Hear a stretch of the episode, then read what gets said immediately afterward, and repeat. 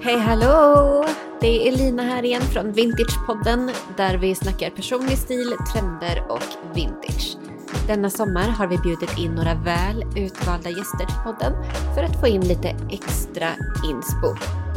Du kommer bland annat få de bästa tipsen på hur man fyndar på loppis, vi kommer få höra trendspaningar, hur det är att driva en vintage shop, hur man hittar sin personliga stil och ja, så mycket mer.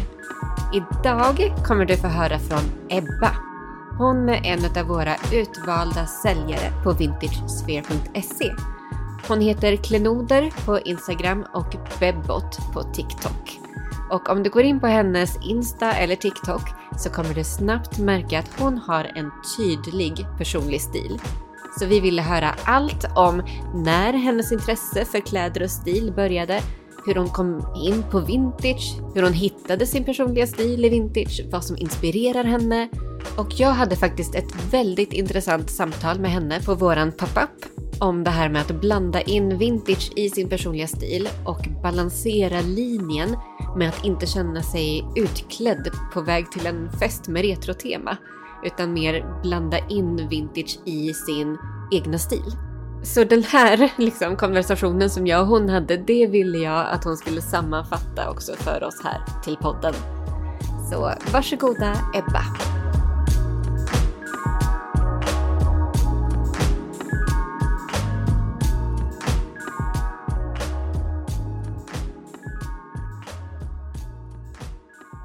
När började mitt intresse för kläder?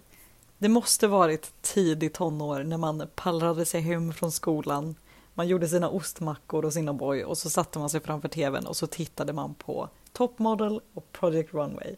Och det, det var liksom varje dag och där fick man ju upp ögonen för det, att det, det här med kläder, det är ju ganska roligt. Sen fortsatte det vidare med att sno min stora systers tonårsmagasin. Det var Chic, det var Frida, det var också L senare.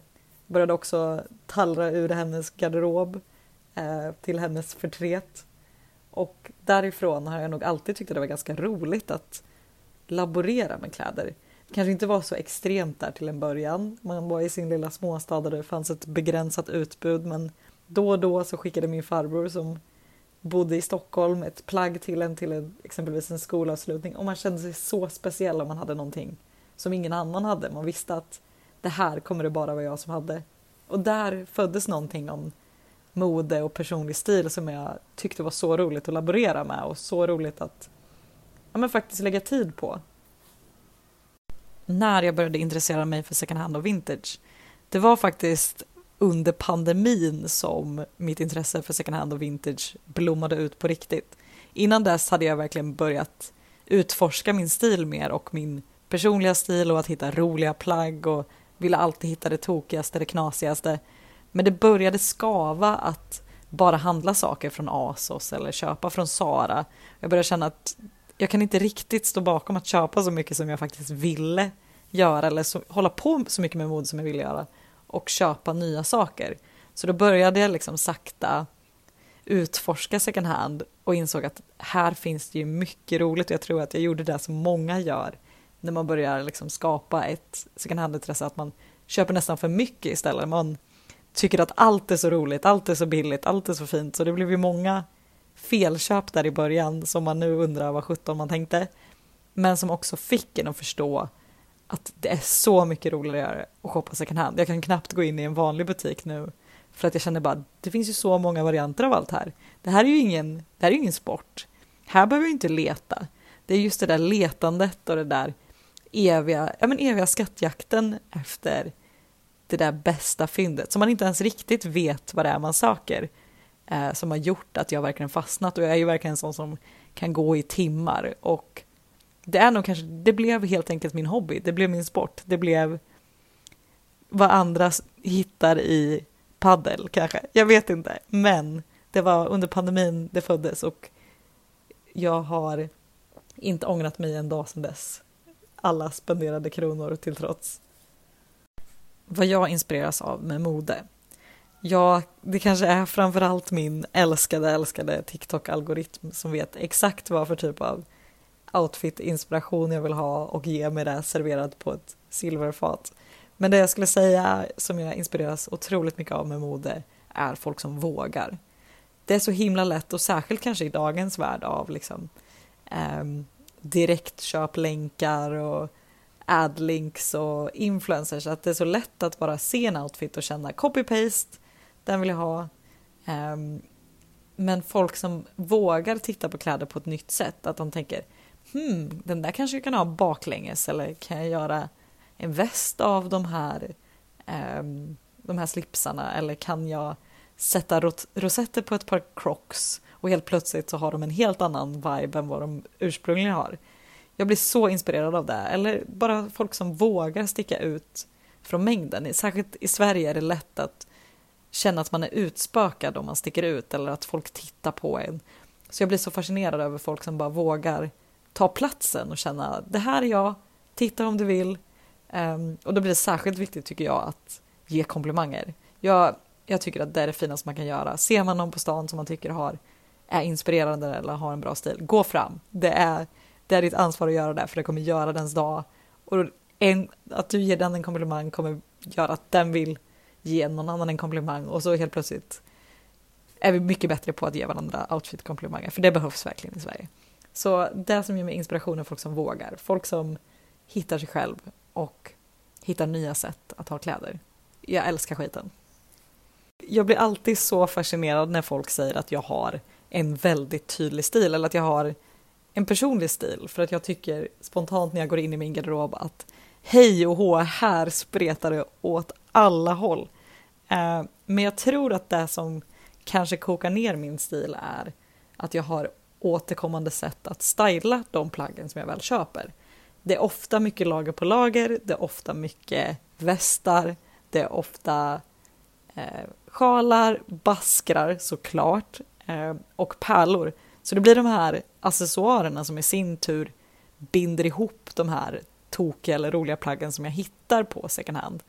Men alltså, det är inte helt säkert att det är svaret heller, för att jag, jag har försökt allt från att testa det här med att ha fem stilledord, men som istället slutat i en novell eh, i något försök att beskriva vad jag har för stil.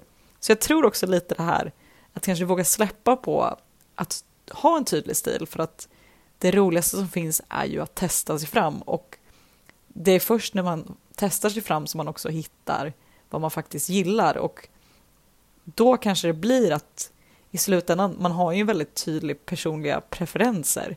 Så att om man bara följer sin magkänsla och vad man själv gillar så kommer det till slut bli att man har en personlig stil. Det är självklart att det kan vara olika från person till person och hur mycket man är villig att lägga ner tid på att ha en personlig stil. Men jag tycker det är viktigt att känna att om jag har på mig någonting så är det ett plagg jag bottnar i. Det är ett plagg som folk kommer känna, ja, det där är Ebba, det där är lekfullt, det är nostalgiskt. Um, så jag vet inte, det är spännande att höra att man har en tydlig stil där man själv tycker att man spretar åt tusen olika håll. Um, men det är väl kanske sånt man inte ser själv. Man blir ju lite, man blir ju lite kritisk. Mina tankar kring vintage och att inte känna sig alltför retro eller utklädd. När jag började, eh, när liksom mitt second hand-intresse gick från just second hand till kanske mer vintage och jag tyckte det blev kanske extra roligt att hitta de där äldre roliga plaggen så tyckte jag i början att det var ganska lätt att fastna i eror eller årtionden. Det var att jag helt plötsligt hade otroligt många 70-talsklänningar och de ville jag självklart matcha med ett par boots eller så var det Ehm, 50-tal och helt plötsligt ville jag klä mig helt sofistikerat. Men jag insåg att det var så lätt att bara fastna i de follorna snarare än att använda de här gamla plaggen och hitta moderna sätt eller kanske bara helt enkelt min typ av sätt att bära det. Och det kanske är en process alla vi vintertjejer får gå igenom att vill man, jag älskar ju folk som fullt kör loppet ut på sådana här, ja men folk som kör helt 70-tals outfits eller har en tjej jag följer på TikTok som verkligen kör hela 60-talsgrejen och jag är så avundsjuk på hennes garderob och att hon gör det så utförligt.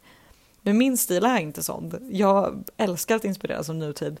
Så då får man helt enkelt hitta sätt där man kan ta de här vintageplaggen och ta in dem till sin stil så att man inte känner sig utklädd eller som om man ska på maskerad. Och det tror jag helt enkelt är att sätta dit accessoarer som kanske det årtalet inte hade haft. Eh, blanda upp det, leka med det, helt enkelt inte snöa in på att bara för att det är ett 70-talsplagg så måste jag ha på 70-talsboots och en 70-talshatt. Utan det kan vara lite 70-tal, det kan vara lite en 80-talsfrisyr kanske, kanske lite nutida smycken. Helt enkelt blandningen gör att jag inte åtminstone känner mig utklädd. Men alltså all cred till de som verkligen kan anamma en epokstil. Jag önskar, jag önskar jag kunde.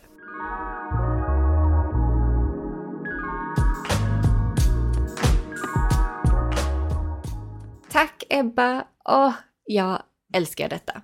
Alltså jag kan prata och lyssna på någon annan prata om personlig stil dygnet runt och är alltid intresserad av att höra från andra personer som jag tycker har en tydlig personlig stil. Jag tycker det är så intressant det här med att man själv har svårt att se helheten av sin stil medan den kan vara supertydlig för alla runt omkring. Jag antar att det är ganska svårt att se sig själv från ett utifrån perspektiv. Och att det, det är liksom precis som Ebba säger, att det inte handlar så mycket om själva plagget i sig, utan mer om hur man stylar det, hur man sätter samman en outfit. Det, det är det som är the special sauce i en personlig stil, själva stylingen. Så tack igen Ebba! Och se till att följa Bebbot på TikTok och klenoder på Instagram.